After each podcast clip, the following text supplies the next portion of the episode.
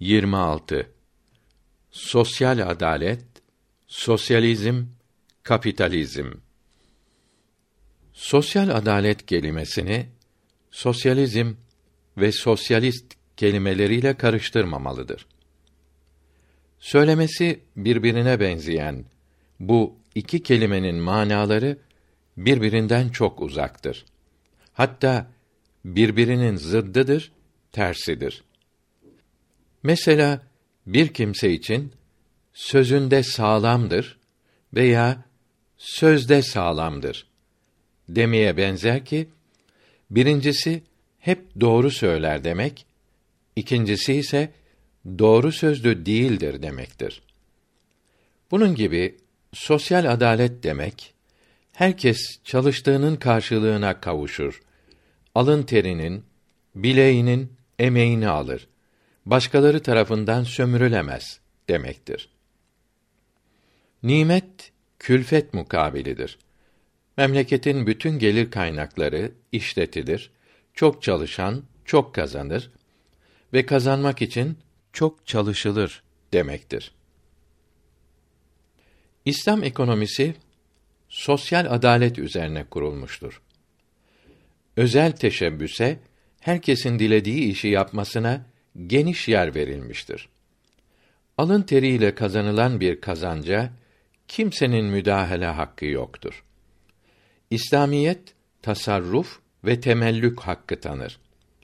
Kimse kimsenin malına, mülküne el uzatmaz, gasp etmez. Hatta başkasının malını, mülkünü muhafaza etmeyi emreder. Bu adaletin zedelenmesi çalışanların haklarının, kazançlarının tembel, açık göz bir zümre tarafından sömürülmesi iki türlü olur. Sosyalizm ve kapitalizm. 1. Sömürücülüğün birinci kısmı sosyalizmdir. Arapçası el iştirakiyedir. Sosyalizm devlet kapitalizmi demektir. Sosyalistlerde bütün gelir kaynakları teknik, ziraat, ticaret, kültür devletleştirilmiştir. Şahsi teşebbüs yasaktır. Herkes kapitalist devletin vereceği işi yapmaya, gösterdiği yerde çalışmaya mecburdur. Kazançları emeklerin karşılığı devlete verilir. Devleti, hükümeti ele geçiren mutlu bir azınlık milletin alın teriyle kazandığını elinden alır. Millete en kötü şartlarda yaşayacak kadar yiyecek, içecek, giyecek verir. Belirli bir zümre milleti sömürür. Bu azınlığın işi millete baskı, işkence, yalan, iftira ve propagandadır. Bütün kazançlar bu zümrenin olağanüstü zevk ve sefaat sürmesine, planlarının yürütülmesine sarf edilir. Sosyalizm ile idare edilen Rusya dünyanın en büyük kapitalizm ülkesiydi.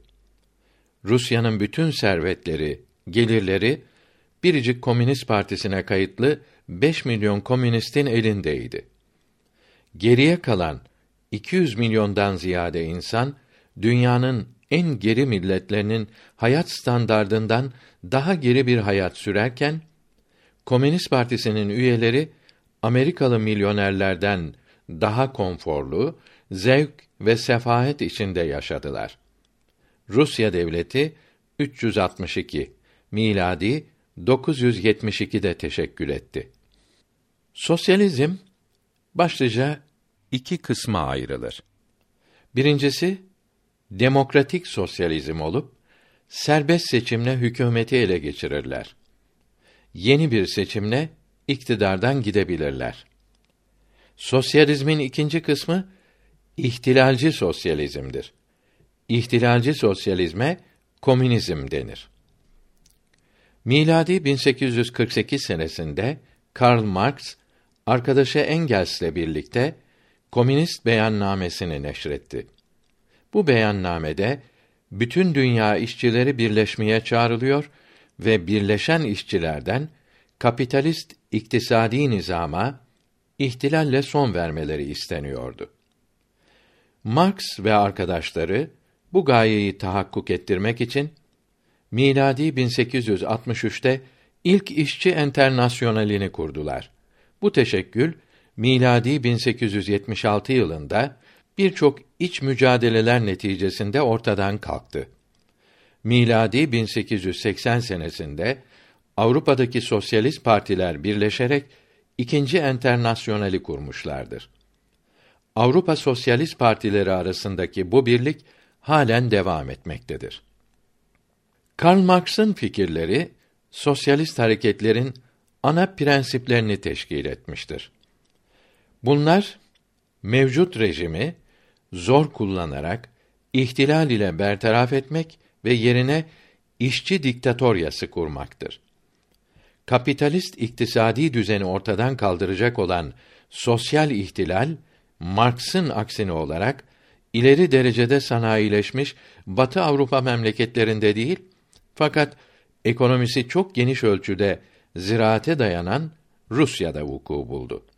Rusya'da miladi 1898'de kurulan Rus Sosyal Demokrat İşçi Partisi miladi 1903'te çoğunluk manasına gelen Bolşevik ve azınlık manasına gelen Menşevik olarak ikiye ayrıldı.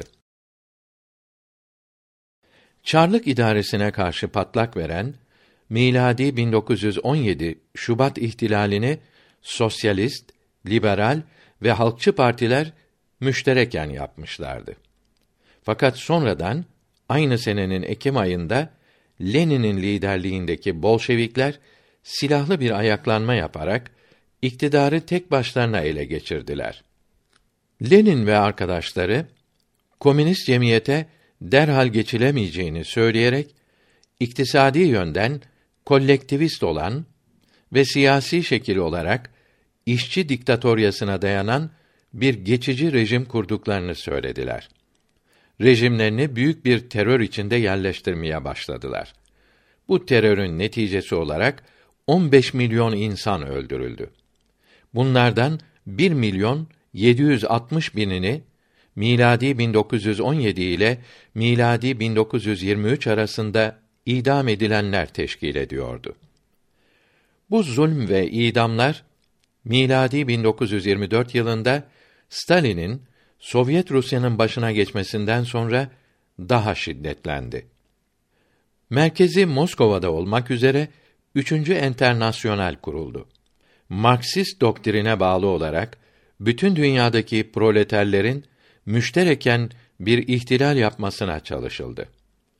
İkinci Cihan Harbi'nde Rusya'nın batılı demokratik devletlerden yardım istemesi mecburiyeti Stalin'i miladi 1943 yılında üçüncü enternasyoneli ortadan kaldırmak zaruretinde bıraktı. Stalin'in miladi 1953'te ölmesinden bir müddet sonra Kruşçev şiddet usullerini gevşeterek Marksist-Leninist sosyalizmin kapitalist alemle komünistlerin birlikte yaşadıkları bir dünyada kendiliğinden hakim olacağı görüşünü ileri sürdü. Stalin'in takip etmiş olduğu insafsız siyasetin takbihi komünist Çin'in hücumuna sebep oldu. Komünist Çin Sovyet Rusya idarecilerini Marksist Leninist doktrine ihanet etmekle itham ettiler. Miladi 1964'te Kruşçev'in iktidardan uzaklaştırılmasıyla Kosigin ve Brejnev gibi yeni Sovyet liderleri komünistlerin parçalanmasını durdurmaya çalıştılar. Fakat bu gayretleri neticesiz kaldı. Rusya'da komünizm yıkıldı. İhtilalci sosyalizm ihtilallerle karışıklıklar çıkartılarak umumi grevler yaparak gerilla muharebeleriyle ülkenin yabancı komünist kuvvetler tarafından işgal edilmesiyle veya baskın şeklinde hükümet darbeleriyle iktidara hakim olmaya çalışmakta ve iktidarı ele geçirince totaliter bir rejim kurmaktadır. Diğer sosyal, iktisadi ve fikri grupları tasfiye etmekte ve parlamenter rejimi yıkarak tek parti diktatöryası kurmaktadır. Sosyalist cereyanlar sanayileşmenin gelişmesiyle başladı. iktisaden geri kalmış Rusya ve Çin gibi memleketlerde ihtilalci ve totaliter bir karakter kazanarak komünizm şekliyle iktidarı ele geçirdi. Faşizm ve nasyonal sosyalizmde istihsal vasıtaları üzerinde hususi mülkiyet hakkı tanınmaktadır. Sosyalizm fikirlerini ortaya koyan Karl Marx, sosyalist cemiyetin ne şekilde olacağını anlatmamıştır.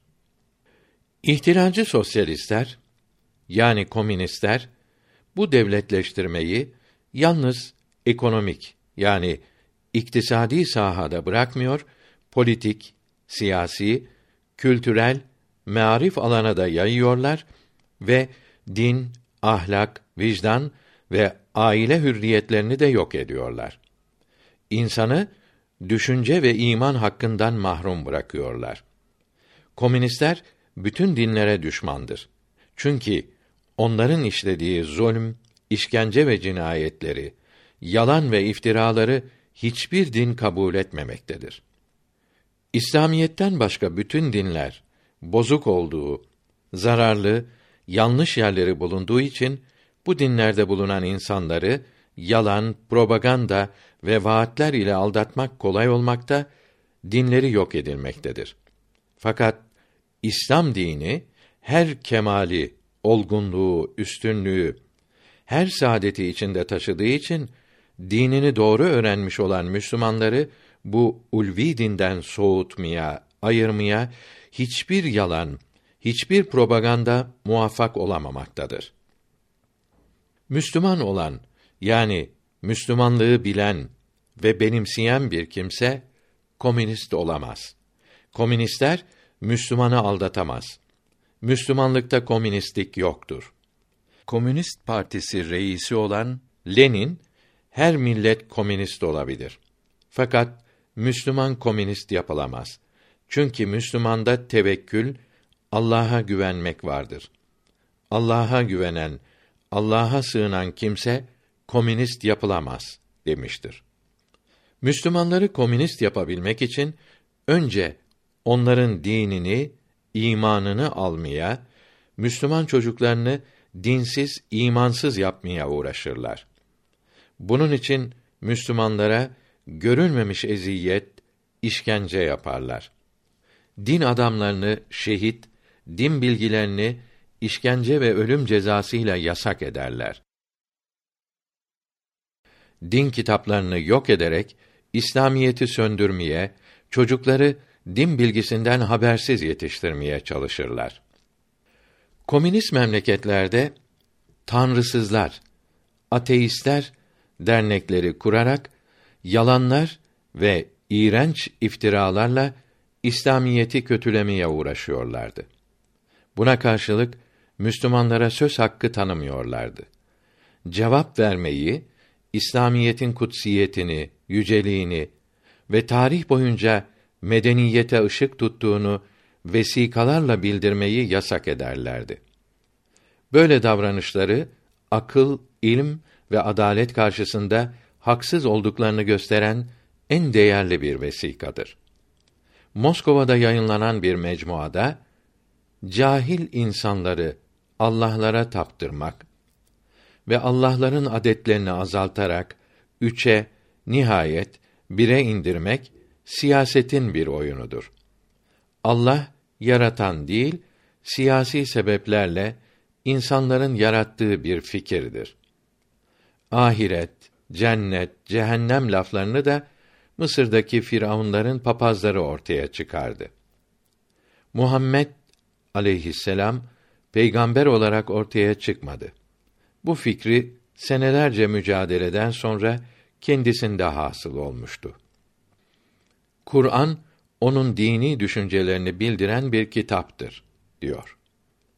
Komünistlerin bu yalan ve iftiralarının din ve tarih bilgilerine uymadığı meydandadır.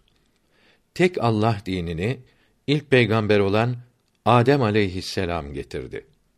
Çok tanrı ve putlara tapınmak İdris aleyhisselam'dan sonra meydana çıktığı Eyüp Sabri Paşa'nın Miratül Haremeyn kitabında uzun yazılıdır. Ahirete, cennete, cehenneme iman etmek Mısırlılardan asırlarca evvel ta Adem ve Nuh ve diğer peygamberlerin zamanlarında vardı. Muhammed aleyhisselam ilk olarak peygamber olduğunu bildirdi ve insanları bir Allah'a inanmaya davet etti. Aklı ve bilgisi olan herkes İslam düşmanlarının böyle cahilce ve ahmakça saçmalarına ancak güler. Müslüman canını verir fakat dinini, imanını asla vermez.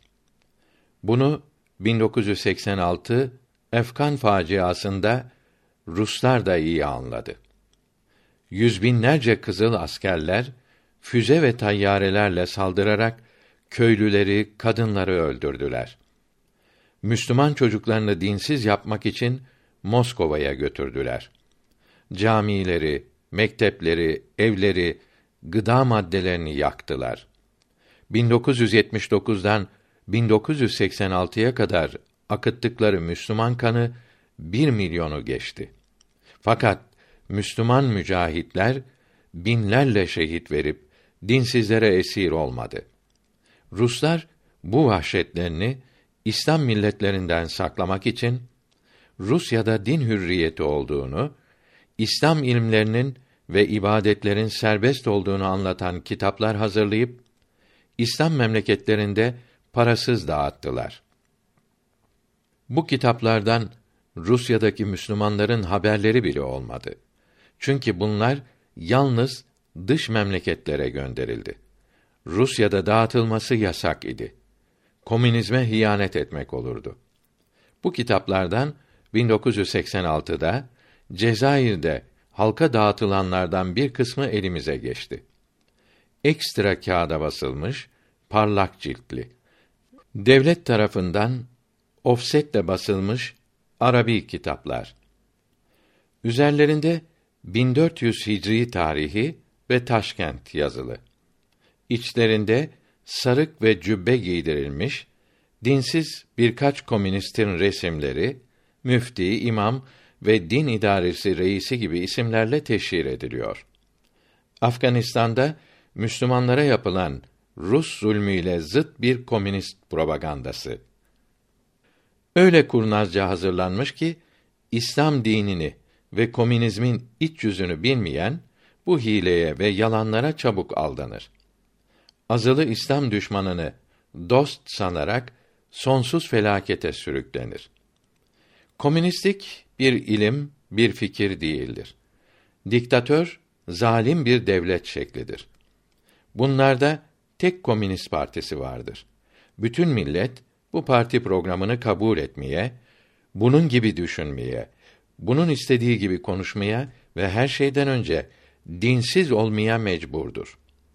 Böyle olmayanlar ölmeye, fırına atılmaya, işkence ile öldürülmeye mahkumdur. Orada hiç kimse canından emin değildir. Herkes her an öldürülebilir, zindana atılabilir. Milleti partinin açık göz bir komitesi dikta ile zulm ile idare etmektedir. Bütün idareciler, kumandanlar bu komitenin yardakçısı, çanak yalayıcısıdır. Hepsi birbirinden korkmakta, her biri bir iftiraya kurban gideceği günü düşünerek korku içinde yaşamaktadır. Emperyalistlerin yani dünyanın her yerine yayılmak sevdasında olanların her memlekette adamları, casusları vardır. Bunlar bir taraftan komünistlik propagandası yapar, bir taraftan da bol para vererek zevk ve sefahet yollarını açarak cahilleri, işsizleri avlarlar. Aile terbiyesi görmemiş serseriler, din bilgisi olmayanlar bunların tuzaklarına çabuk yakalanır. Bir anarşist eşkıya topluluğu kurarlar. Irgat Partisi, Emekçi Partisi, İşçiler Partisi gibi cazip isimler altında siyasi parti kurarak ortaya çıkmaya, mecliste söz sahibi olmaya ve hükümeti ele geçirmeye uğraşırlar. İşçiyi, köylüyü kışkırtıcı gazete, mecmua çıkararak Müslümanlıkla, din adamlarıyla, tüccar ile, alın teri dökerek iş yeri açanlar ile alay eder, bunları kötülerler. Devlet nizamını bozmaya, liberal hükümetleri devirmeye, hasılı milleti birbirine, kardeşi kardeşe düşman etmeye, ihtilal, iç harp çıkarmaya çalışırlar. İlk öldürecekleri din adamlarını, milliyetçi, antikomünist aydınları tespit etmişlerdir. Komünist casusları ve bunlara satılmış yerli uşakları ordu ile din adamlarıyla işbirliği yapamaz. Çünkü subaylar kültürlü, namuslu, olgun, vatansever insanlardır. Komünistlerin alçak emellerine alet olmazlar. Bunun için er ve yedek subay olarak orduya sızmaya çalışırlar. Komünistliği her hürriyeti, serbestliği veren cennet hayatı gibi göstermeye çalışırlar. Karl Marx doktrininin ilk tatbikçisi olan Lenin hep yalan söyleyiniz. Binde birine inanılsa büyük kazancımız olur. Beyaz duvara hep çamur atınız. Yapışmaz düşerse de zararı yoktur. Hiç olmazsa duvarda leke bırakır demiştir.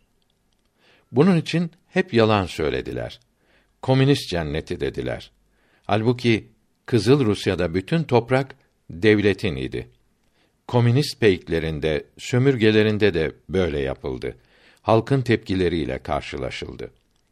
Miladi 1917'de ilk komünist ihtilalinde ve diğer komünist hareketlerde köylüye toprak vereceğiz denilmişti. İhtilal kazanılınca ziraat kolektifleştirildi. Lenin'in Rus köylülerine, müjiklerine çarlığın geniş topraklarını taksim edeceğini vaat etmesi ihtilalden sonra bütün mahsullerinizi, hububatınızı teslim ediniz şeklini almıştı. Erkek ve kadın, bütün köylü zorla kolektif çiftlik yani kolhozlara ve devlet çiftliğine yani sohozlara sokuldu. Kadınlar da erkek gibi en ağır işlerde erkek şeflerin baskısı altında insafsızca çalıştırıldı. Parti adamları ise hiçbir emek ve hizmeti olmadan, hakkı geçmeden kurulmuş olan villalara, apartmanlara yerleşip zevk ve safa sürmekteydi. Sahiplerini öldürdükleri malların, mülklerin üzerine oturmuşlardı. Bunları gören halk kıtlık ve açlık karşısında ayaklandı. Binlerle zavallı kurşuna dizildiyse de halkın mukavemeti önlenemedi. Miladi 1921'de çiftçiye küçük bir bahçe vermeye mecbur oldular. Fakat Stalin miladi 1932'de zulm ile bunları yine geri aldı. Rusya'daki toprakların yüzde 97'si kolektif çiftlikler ve devlet çiftlikleri halindeydi. Bu toprakların ihtilalden önceki sahipleri buralarda devlet için boğaz tokluğuna çalıştılar. Parlak vaatlerle ihtilale sürüklenen çiftçi dolap beygiri gibi bir üretim vasıtası yapıldı. Bu durumdaki millet zorla çalışıp devlet malına acımadı. Miladi 1959 Aralık ayında Doğu Almanya Komünist Partisi Merkez Komitesi'ne verilen bir raporda kolektif çiftliklerde kundaklama ve sabotajların yayıldığı bildirilmiştir. Miladi 1959 Temmuz, Ağustos ve Eylül aylarında bu çiftliklerde 900'den fazla kundaklama olmuş, 9 ayda gayrimenkul tahribatı 4 milyon doları bulmuştur. Baskı ile yapılan çalıştırmada istihsal düşmüş, planlama uygulanamamıştır. 8 Ağustos 1953'te Malenkov'un Sovyet Yüksek Şurası'ndaki açıklamasına göre miladi 1929-1952 yılları arası yatırımlara ayrılan 997 milyar rublenin yalnız yüzde dokuzu ziraatte kullanılmış, yüzde 64'ü ise ağır sanayiye yatırılmıştır. Bu şartlar altında Rusya'da 1382 miladi 1963'te kıtlık başladı. Rusya Avrupa'dan ve Amerika'dan buğday satın almak zorunda kaldı. Bu krize en çok ziraatte şahsi teşebbüsün yasak edilmesi, milletin kazancının zorla elinden alınması sebep olmuştur. Hayvancılıkta ise çarlık zamanının rakamlarına bile ulaşılamamıştır. Zirai gücün azalması, soğuk harbe ve yaldızlı propagandalara dayanan komünist diktatörlüğünü açlığa ve sefalete sürükledi. Onun neticesi de rejim yıkıldı.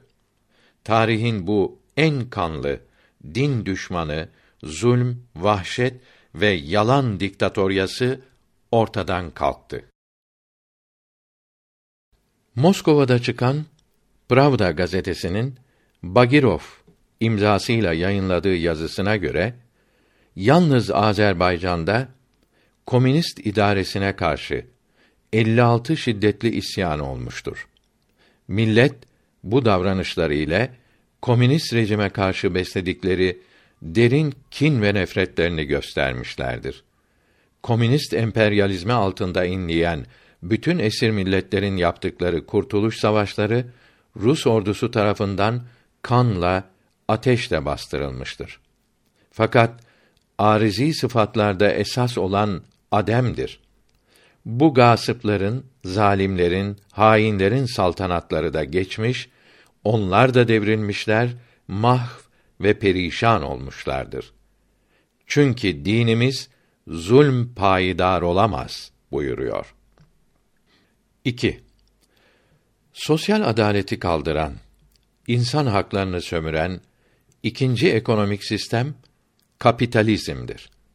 Burada her ne kadar şahsi teşebbüs varsa da bu ancak sınırlı bir sayıdaki yüksek sermaye sahipleri içindir. Bu kapitalistler üretim kaynaklarını ellerine almış, fakir halkı istedikleri gibi çalıştırmakta, onların kazançlarını sömürmektedirler. Kapital sahibi olan mutlu azınlık ile fakir işçi arasındaki geçim farkı korkunç bir uçurum halindedir. Sosyal adaletin ismi vardır. Sınıf farkı ise almış yürümüştür. Fakir işçi kapitalistlerin emri, keyfi altında ezilmekte, kendi emeğinin mükafatından az bir şey eline geçirebilmek için mağrur efendisinin karşısında ezilip büzülmektedir. Kapital sahiplerinin çoğu Yahudi olduğu için kapitalist devletlerde İslam düşmanlığı hüküm sürmekte, Siyonizm ve misyoner teşekkülleri İslamiyeti yıkmak için milyarlar sarf etmektedir. İslamiyet kapital hakimiyetini önlemiş, işçi ile patron arasındaki uçurumu kaldırmak için işçinin sermayeye ve kâra ortak olmasını sağlamıştır. Herkes parasını bir işletmeye yatırabilir. Fazla kâr alır. Böylece bankaya para yatırılmaz. Bankalar faizle milleti sömüremez. Bundan başka zenginlerin fakirlere zekat vermesini emir buyurmuştur. İşte sosyal adaletin temelini bu teşkil eder. Zekat malının kırkta birini müstahak olana vermek demektir. İslam dininde eli ayağı tutup da çalışabilenlerin dilenmesi haramdır. Zekat çalışamayacak derecede hasta ve sakat olanlara ve çalışıp da güç geçinenlere verilir. Allahü Teala böyle fakirleri milletin içinde kırkta bir olarak yaratmıştır. Bunlara zekat veren zengin bir Müslüman hem dini ibadetini yaparak Allahü Teala'nın rızasını kazanır hem de sosyal yardım yapmış olur. Hem de malını, servetini fakirlerin haklarından ve tecavüzlerinden korumuş olur. Milli serveti hesap edip kırkta birini muhtaçlara verecek olursak hiçbir Müslüman memleketinde komünizm tehlikesi baş kaldıramaz. Baş kaldırmasına sebep de kalmaz. Zekat, uşr ve sadakalar hep sosyal yardım olup ekonomik felaketleri önlemek için emrolunmuş ilahi tedbirlerdir. Bunlara ne kadar çok riayet edilirse komünizm felaketi o kadar önlenmiş olur. İslam dini bundan başka ticaret ahlakını da koyarak sınıf mücadelesini kaldırmıştır. Adalet karşısında devlet reisi de çoban da eşit haklara maliktir ve eşit mesuliyetleri taşır. Haksızlık yok, kardeşlik vardır. Zekat ile toplanan muazzam servet Beytülmal müessesesini kurmuş, fakirliğin, açlığın önü alınmıştır. Böylece patron ile işçi yerine ortaklık, şirket üyeliği meydana gelmiştir. Herkes seve seve çalışmakta, her emek sahibi emeğinin karşılığını bulmaktadır. Hadis-i şerifte işçiye alnının teri kurumadan hakkını veriniz emir buyurulmaktadır. Hiç kimse başkasından zorla bir şey alamaz. Milletin malı olan Beytül Mali hakkı olanlardan başka kimse kullanamaz. Sosyal adaleti her asırda, her yeni çağda gerçekleştirecek biricik çare İslam dininin gösterdiği adil ve serbest iktisat yoludur. İslam dini sosyal adaleti tam tecelli ettirir. Sosyalizme, komünizme ve kapitalizme asla yer ve fırsat vermez. Hakların sömürülmesini kesin olarak yok eder. Dinin ve İslam ahlakının doğru olarak öğrenilmesi ve milletin din yobazlarının, fen yobazlarının ifallerinden, tuzaklarından kurtulması kuvvetli bir devletin yardımı ve himayesiyle olur. Din kılınçların gölgeleri altındadır. Hadisi şerifi bu hakikati açık olarak ifade etmektedir. O halde bütün gücümüz ile her fırsatta devletimizin varlığına ve kuvvetli olmasına çalışmalıyız. Kuvvetli bir devletin himayesinde yaşayan Müslümanların komünist tehdit ve tasallutundan emin olabileceği, devlet zayıf olursa vatanın ve milletin komünist ihtilaline sürüklenerek kardeşin kardeşe saldıracağı, evlerimizin, iş yerlerimizin, kadınlarımızın, kızlarımızın elimizden alınacağı iyi bilinmelidir. Bunun için gaflet ve tembellik morfiniyle uyutulmamaya dikkat etmeli, devletimize her zaman yardımcı olmalıyız. Komünistliği ilk çıkaran Mecdek adında bir İranlıdır. Peygamber olduğunu söylerdi. Zerdüşt'ün kurmuş olduğu Mecusi dinindeydi. Herkesin malı ve kadını ortaktır dedi. İran Şahı Kubat buna inandı ise de oğlu Nuşirvan bunu 80 bin adamıyla birlikte öldürdü. Bunlar Burhan-ı Katı lügat kitabında yazılıdır. Ahmet Cevdet Paşa rahmetullahi teala aleyh 15 sahifelik bir kitabında komünistliğin Avrupa'ya, Asya'ya yayılacağını, Müslümanların bu beladan kurtulacağını yazmaktadır.